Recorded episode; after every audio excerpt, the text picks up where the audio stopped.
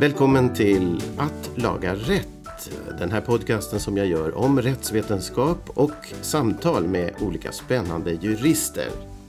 Och idag så ska vi göra en liten avvikande intervju, nämligen med en fransk jurist. Men det är inte bara så, utan det är också en svensk person som är fransk jurist.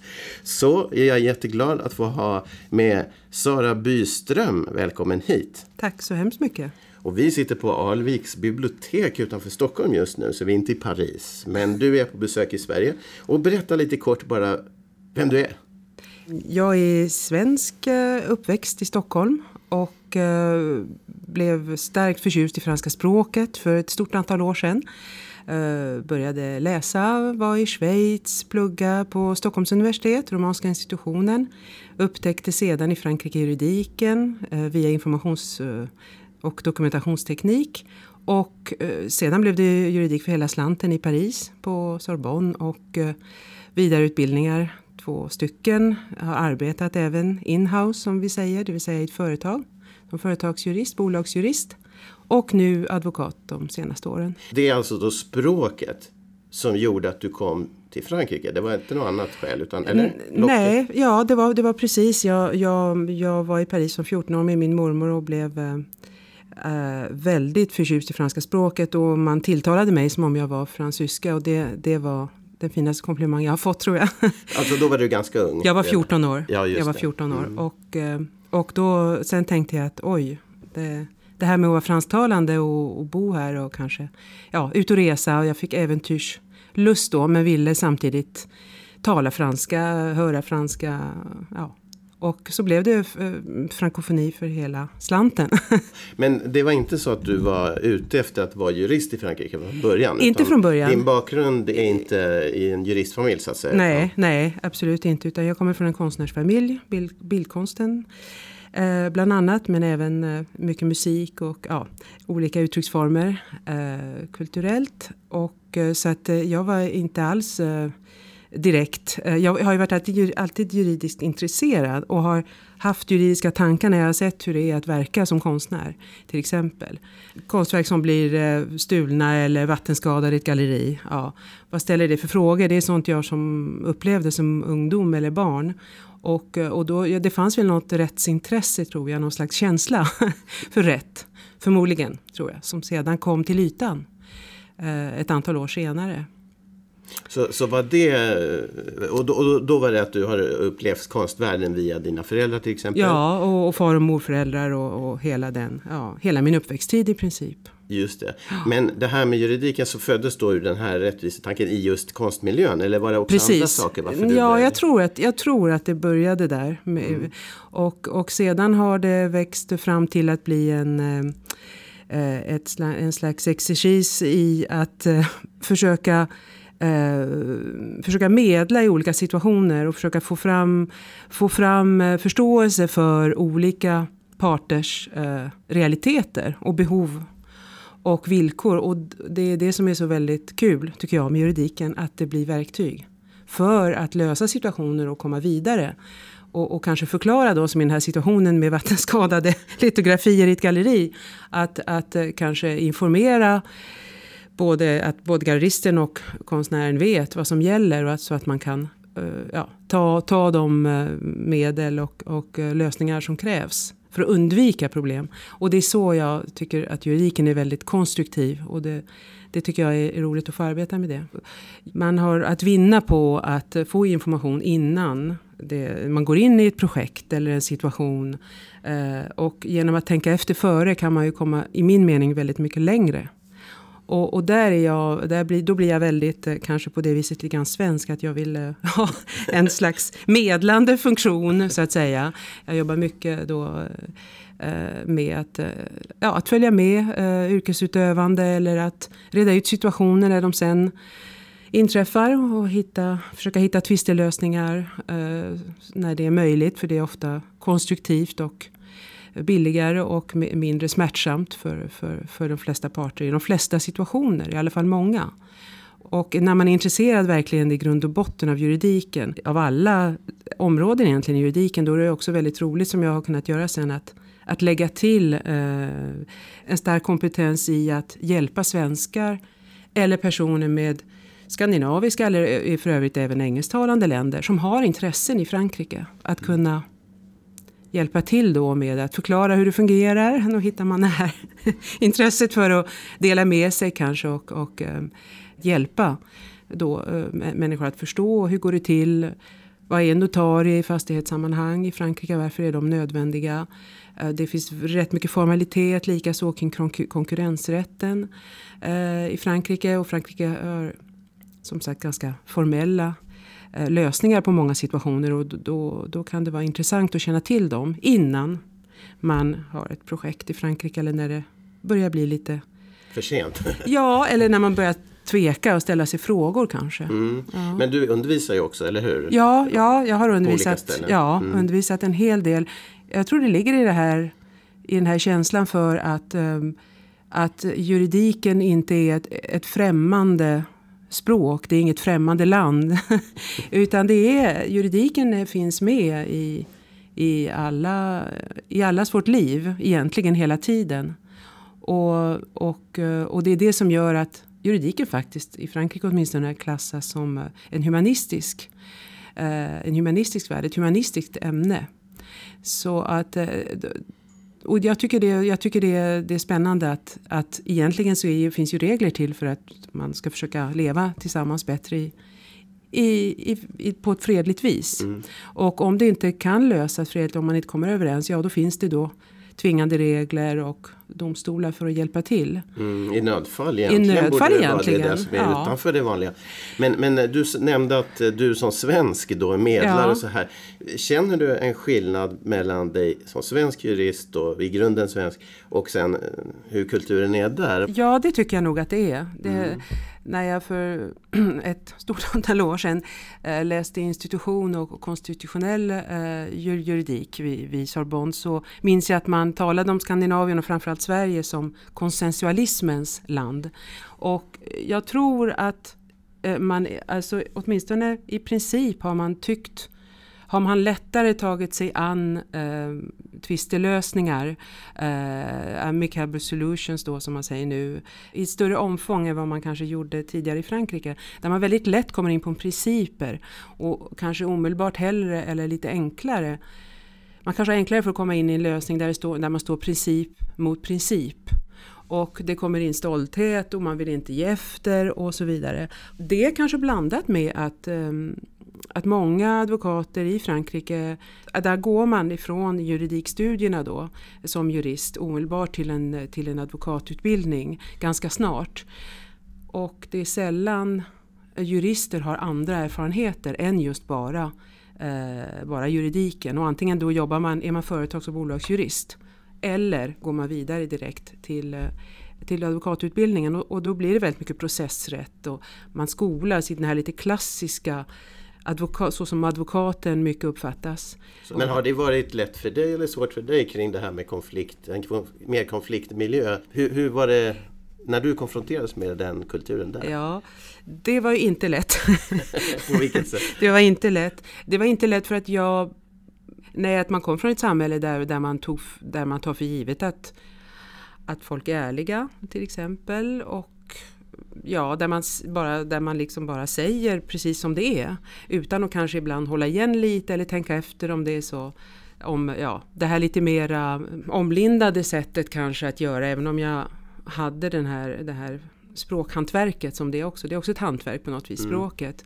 Um, där tycker jag för övrigt att juridiken och språken har där finns det lingvi lingvistik i båda så att säga starkt. Uh, men uh, det kan man nog säga att jag inte riktigt hade de verktygen.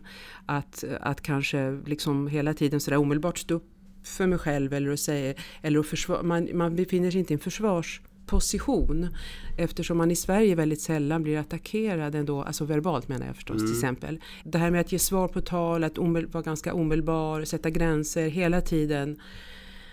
Arbeta upp någon, någon slags eh, inte en hård sida men ändå en viss, ja visa att man liksom finns där och sätta ner foten och sådär. Det där är lite ovant, kanske lite mer ovant för många skandinaver om vi säger så. Hur, var det, hur gick det för dig då, att erövra det? Jag tror att jag förblir svensk mm. eh, i mångt och mycket. Naturligtvis blir jag det. Och det är det som är väldigt roligt, det är den förståelsen för hur det är som, som har lärt mig, bland annat genom mina alla år där, ungefär 30 år, att, att eh, jag hoppas att kunna förvalta de erfarenheterna och kunna dela med mig idag till till exempel svenskar som, som tänker sig att köpa ett hus eller en lägenhet eller som har ärvt en, en far eller mor som flyttat dit och, och kanske fått ny fru och så vidare. Mm. Eller företag som uh, vill lägga ut verksamhet, sälja, sälja in på internet. Det är väldigt olika. Men har du fått mer skinn på näsan? ja, det var en bra fråga. Lite grann, lite grann. Har du, har du tänkt på det? Ja, det har jag. Det har jag. Sen, mm. tror jag sen tror jag att det är väldigt svårt att få ur ränderna i zebror. Mm. Och likadant kanske, det här handlar ju om reflexer. Att man, mm. Att man, trots att man bor där och verkar och så, så, så kan man ändå, när någon beter sig på ett sätt som man inte omedelbart tycker är ett naturligt sätt, då reagerar man på något vis med eh, automatik. Mm. Och, och då tänker man, jaha, nej jag var inte så förberedd som jag tänkte att jag var mentalt. Utan jag tror att de här ränderna sitter i lite grann men det, det, det är fullkomligt hanterbart. Vi har levt i en värld där, där, där man hade gemensamma grundregler som ärlighet och öppenhet till exempel. Och så. Mm. När jag till exempel då undervisar och skriver artiklar då, då blir jag speciellt uppskattad för just det. Mm. Därför att jag inte sätter någon vad ska man säga, nivåskillnad mellan mig och andra människor Dessutom. som man gör i ett klassamhälle mm. av, av hävd.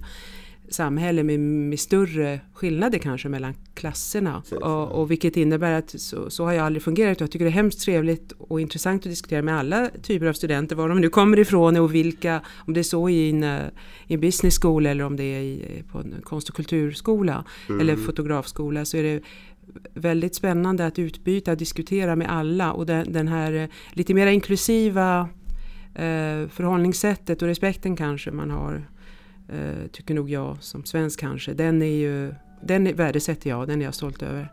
Och jag tycker att det är väldigt roligt att få använda den. och lusten kanske att, att dela med sig också. Mm.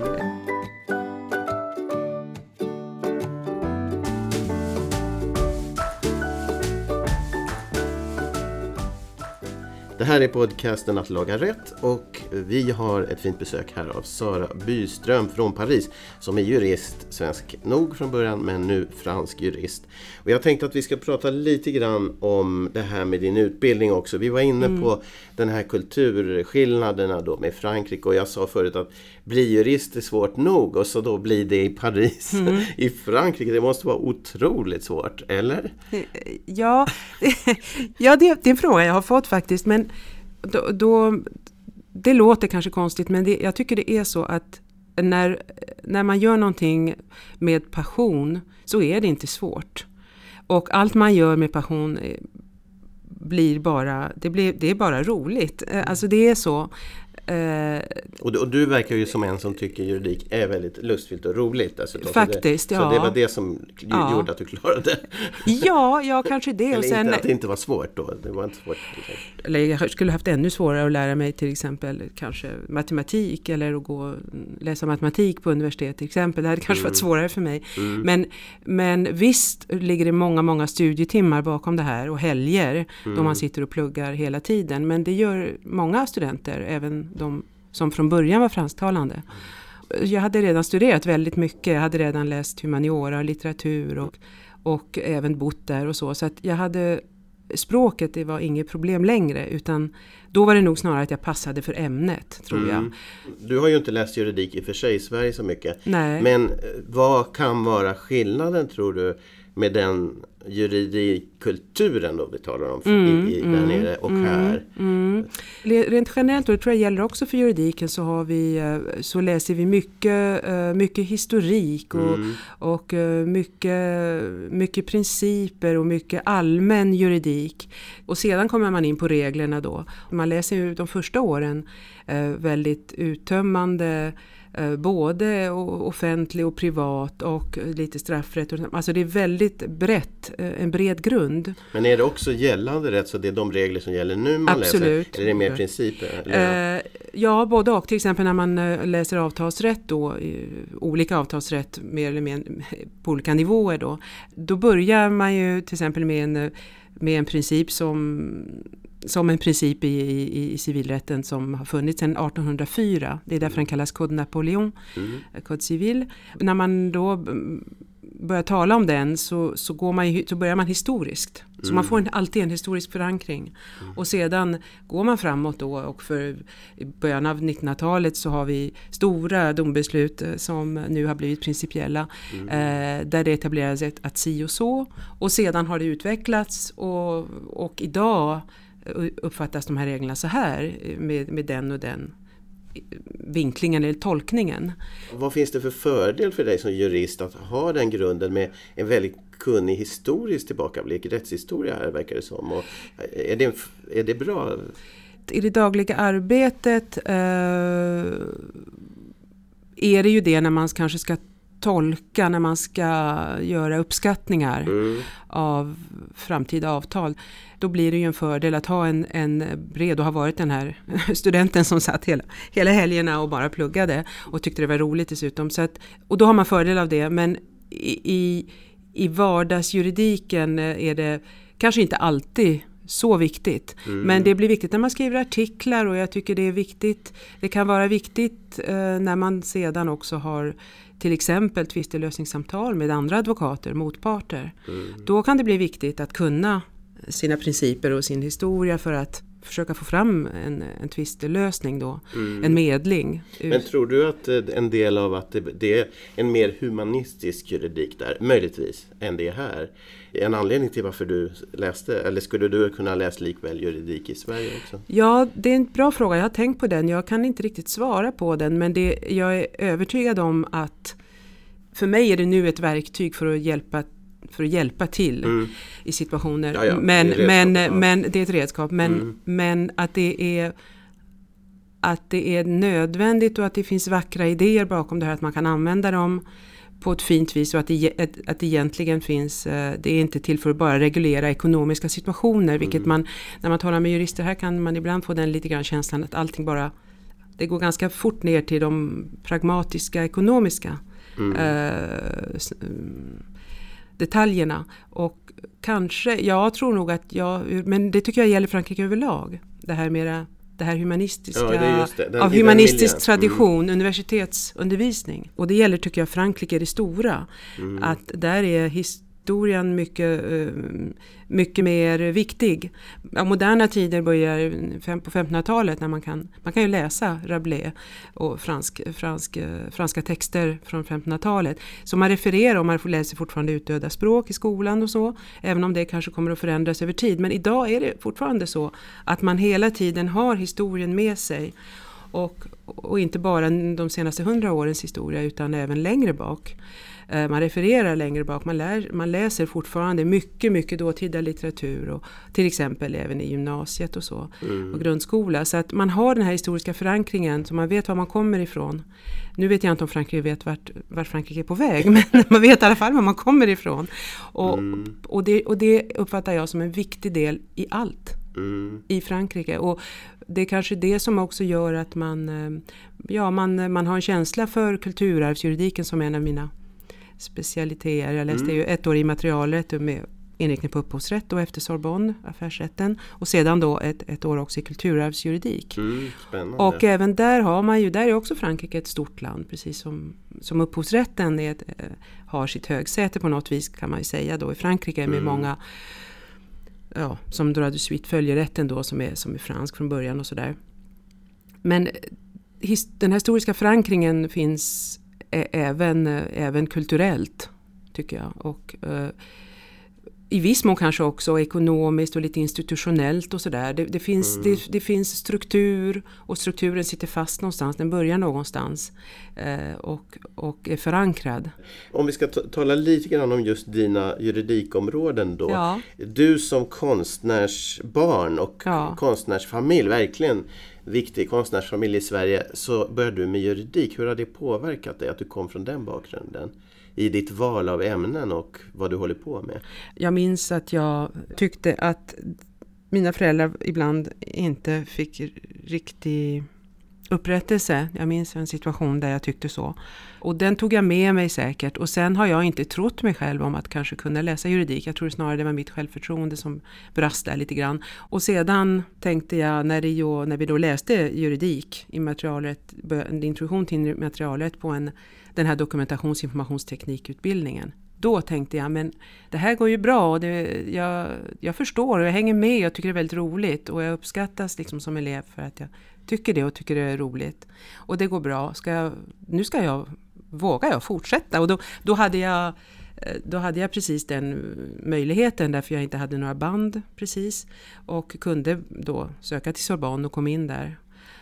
Och, så det var immaterialrätt i åtanke? Ja, ja absolut. Ja, oh, ja. Mm. Och så, att, och det, så att jag valde så mycket kurser jag kunde. Det gör man ju först efter fyra år. För totalt så har man ju då fyra år juridik då, det man säger nu Master One nivå liksom. Och sedan gör man ett specialiseringsår då, ett femte år. Och det var där gick jag ju naturligtvis till immaterialrätten och på den tiden, 1996, fanns det tre, års, tre stycken eh, fakulteter i Frankrike som hade den här eh, immaterialrätt och då var jag naturligtvis den som var mest upphovsrättsmannainriktad. ja, ja, ja, det. det fanns någon med någon multimediainriktning. Mm. Och, så även där tror jag att mitt eh, min, min intuitiva känsla liksom var att försöka ja, göra rätt för de som kanske inte sådär, har så mycket, som inte förstår hur det fungerar. Det kom sig av den tanken. Du kom sen in på att jobba med foto väldigt mycket. Men hur kom det sig att du kom just till fotografi? Ja,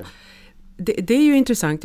Alltså, bild och, och, och, konst är ju väldigt när, närstående och vi, ja, vi har, jag har ju haft mycket fotografi även också i familjen omkring mig. Och när jag gick den här utbildningen då, en av mina utbildningar i under ett år som informations, det vill säga dokumentalist, ikonograf, om man är bild, bilddokumentalist inriktad. Som var alltså innan du blev jurist? Just det, ja. innan. Mm. Och det var där vi läste immaterialrätt och informations, mm. informationrätt kring information, informationsteknologi. Mm. Och eh, då eh, hade vi praktik och då praktiserade jag på en bildbyrå två månader, en, en, en amerikansk eh, imagebank för de som känner till. På den tiden, 1993 i Paris och där kunde jag ju prata engelska, då var det väldigt stor fördel att kunna prata engelska. Mm.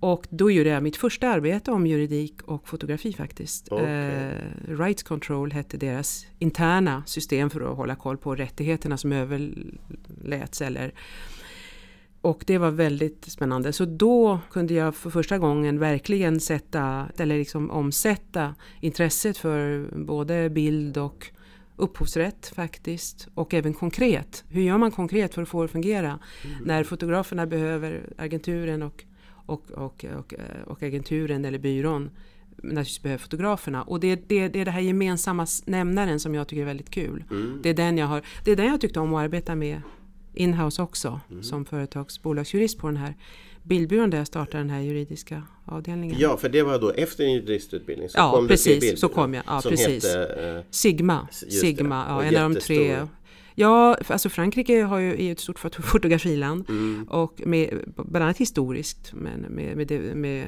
Depardon och många sådana här stora fotografer mm. välkända men också eh, pressbildsmässigt och distributörsmässigt. Så att vi, det fanns ju tre stora bildagenturer då. Sigma, Sipa och Gamma.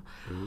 Och Sigma var en av de stora, man säger en, en byrå med, som var generalist för man gjorde lika mycket cover om ja, när Lady Di gifte sig som man gjorde när det var något, något, något krig någonstans. Och eh, det är ju, av hävd så är, var det en värld där det gick väldigt fort. Det var ju news hela tiden, hot news. Man skulle eh, skicka ut fotografer så fort det hände något och så vidare. Och så fick man in fotona och skulle man snabbt, snabbt, snabbt rep reproducera dem till papperskopior, ta en yes. motorcykel och köra ut dem till tidningarna och redaktionerna som sedan publicerade. Och så var det faktiskt när jag började 2000 eh, även fortfarande. Vi hade 50 000 fysiska bilddokument. Så att den analoga världen, det är också spännande när man har varit i en sektor väldigt länge och känner den um, så är det väldigt spännande att se utvecklingen också mm. över 20 år. Men hur var det när du försökte då starta en juridisk avdelning på ja. den här bilden? Vad, vad sa de då? Oj! det var fantastiskt svåra tider men otroligt eh, spännande. För jag är ju tydligen en sån som tycker det är väldigt roligt när det, när det är svårt. Men hade de förut använt jurister utanför då om de hade det överhuvudtaget? Ja, alltså, de, alltså det är rent, rent klassiskt så hade, så hade man inte många eh, så hade man inte många interna jurister utan mm. Eh, det, det, det satt någon, någon, någon direktör där med, som tyckte att han kunde lite grann ja, och, och liksom mm. improvisera och så blev det, gick det till tvist så fick en utanförstående advokat ta det. Ja, precis, ja. Men jag tror mycket på jurister eh, inom företag som, som eh, för det första lära eh, sina medarbetare, vad är det vi gör? Säljer vi bilder? Nej, vi, vi, eh, vi faktiskt eh, ger licenser. Mm. Men det är väldigt spännande då att kunna göra det här eh, från scratch och, och, och, sätta upp avtal och även vara med i alla sorters, ja den speciella situationen för pressjournalister. Eh, bild, bild, bildreporter förlåt, eh, inom press. Vad har de för kontrakt? Vad har de för speciella eh, historiska avtal eller fördelar? Så det, var, det blev också en väldigt bred eh, allmänbildande, tio väldigt allmänbildande breda år. Men sen valde du att starta eget? Ja, ja. Och, och är det, vad är det för slags juridik du gör nu som advokat? Då? Jo, nu har jag den här, det här området då med naturligtvis fotografi och mm. konst och eh, media då väldigt mycket, mycket mm. bild men, men i, i, i, egentligen eh, även multimedia för att i de situationerna kommer man in naturligtvis på rörlig bild och mm. även på, på ljud och musik. Och så har jag det och sen har jag ju då eh, verksamhet mot svenska, skandinaviska och även engelsktalande företag som ska eh, in på franska marknaden. Till exempel med e-commerce och som behöver veta vad det är för specifika regler vi har och de är ganska många. Eh, och så vidare. Och då kan man hjälpa till dem att starta upp ett företag eller att eh, se till att alla dokument och alla villkor eh, stämmer överens med de interna reglerna i Frankrike. Eh, och även strategiskt då, hur går man tillväga? Ja, mm, det är mycket som skiljer i Frankrike även på hur man får reda på vad en människa har för ekonomi till exempel. Den finns inte tillgänglig så då måste man ta in den delen. Finns det några genomgående grejer som du måste alltid säga okej, okay, nu måste ni tänka på det här eller är det alltid detaljfrågor som kommer? Ja, nej, gentemot företagare så tycker jag nog att eh, man får, ju, man får ju kanske berätta det här att det är väldigt viktigt att, att vi tänker på att, att, att, att skydda oss. Alltså, eh, företagaren måste tänka på att ha villkor som stämmer överens med de regler som gäller, mm. tvingande reglerna. Därför att vid minsta lilla problematik så kan det blossas upp. Just därför att människor kanske ganska snabbt kan få bli lite hetlevrade eller det blir en principfråga. Eh, till exempel den saken tycker jag, tycker jag man ska vara lite försiktig med. Att inte kanske eh, tänka sig att betalningsviljan är överlag hundraprocentigt absolut. Man kan inte skicka en vara till exempel först och sedan säga ni har ett par månader på er att betala. Det skulle jag avråda ifrån.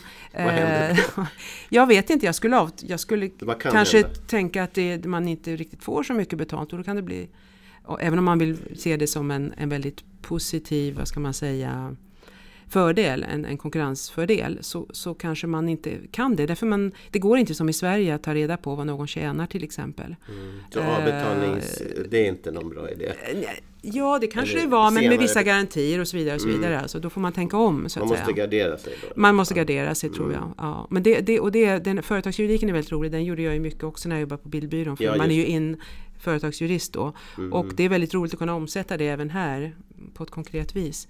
Men hur är det privatpersoner? Ja. Så hjälper du dem också som kommer dit? Ja, jo det gör jag. De har ju, de har ju liksom hört av sig till mig. Eh, kanske också för att jag som sagt eh, finns tillgänglig och tycker det är väldigt trevligt. Och de, jag har väldigt många privatpersoner som tycker att det är en fördel att ha en jurist, en mm. ansvarig som kan hela ärendet på sina, alla sina fingrar och som har hand om det från början till slut. Är det också folk från Sverige som kommer? Det är många, många, mm. många svenskar. Så och, du kan hjälpa till rätta? Där? Absolut, absolut. Mm. Med, med fastigheter eller arv eller eh, ja, till och med ibland samarbete med andra partners eller advokater som jag känner, mina kontaktnät. Mm. Driva in en fordran eller eh, ja, sälja en lägenhet eller även kanske eventuellt eh, någon som har en olycka. Då kan jag samarbeta med någon som, som är specialist inom detta och så kan jag ta hand om den svenska biten och förklara och så vidare. Och så kan min kollega ta den här lite speciella juridiken då till exempel. Men hur är det din byrå? Är, du, har du anställda eller är du ensam där? Eller hur? Nej, min, min byrå, jag, jag, jag, jag verkar själv. Okay. Ja, och eh, då har jag möjlighet att till exempel komma upp här och jobba lite på distans mm. och vara med. Ibland har jag tänkt att man skulle ha en trainee eller en, en student eller någon stud som Jag får väldigt många sådana förfrågningar. Mm. Men även det är ju, det kräver ju sin man också. Det kan vara ett och extra jobb. Det kan vara ett extra jobb och, eh, och, och sådär. Och för tillfället, jag har ju rest en hel del också i jag tycker, det är väldigt, jag tycker fortfarande det är roligt att vara med på konferenser eller sådär och vara med i, i olika sammanhang. Och, eh, så att det blir en hel del eh, även resor för mig och då är det, eller en hel del, det beror på, eh, mer eller mindre. Men det är skönt att kunna välja också lite grann hur man jobbar och var man vill förflytta sig och, och, och sådär. Vad, hur ser du på framtiden som eh, advokat i Paris? Har du några planer eller funderingar kring hur du ska ha din verksamhet? Jo, jag, har, jag skulle vilja naturligtvis expandera det här internationella. Eh, fortsätta och, och, hjälpa svenskar, det är väldigt roligt. Väldigt roligt att kunna göra det faktiskt. Mm. Eh, men även också expandera på mitt specialistområde då. Gärna, jag har redan ett, stora, ett, ett, antal stora, lite större uppdrag. Konstfotografi.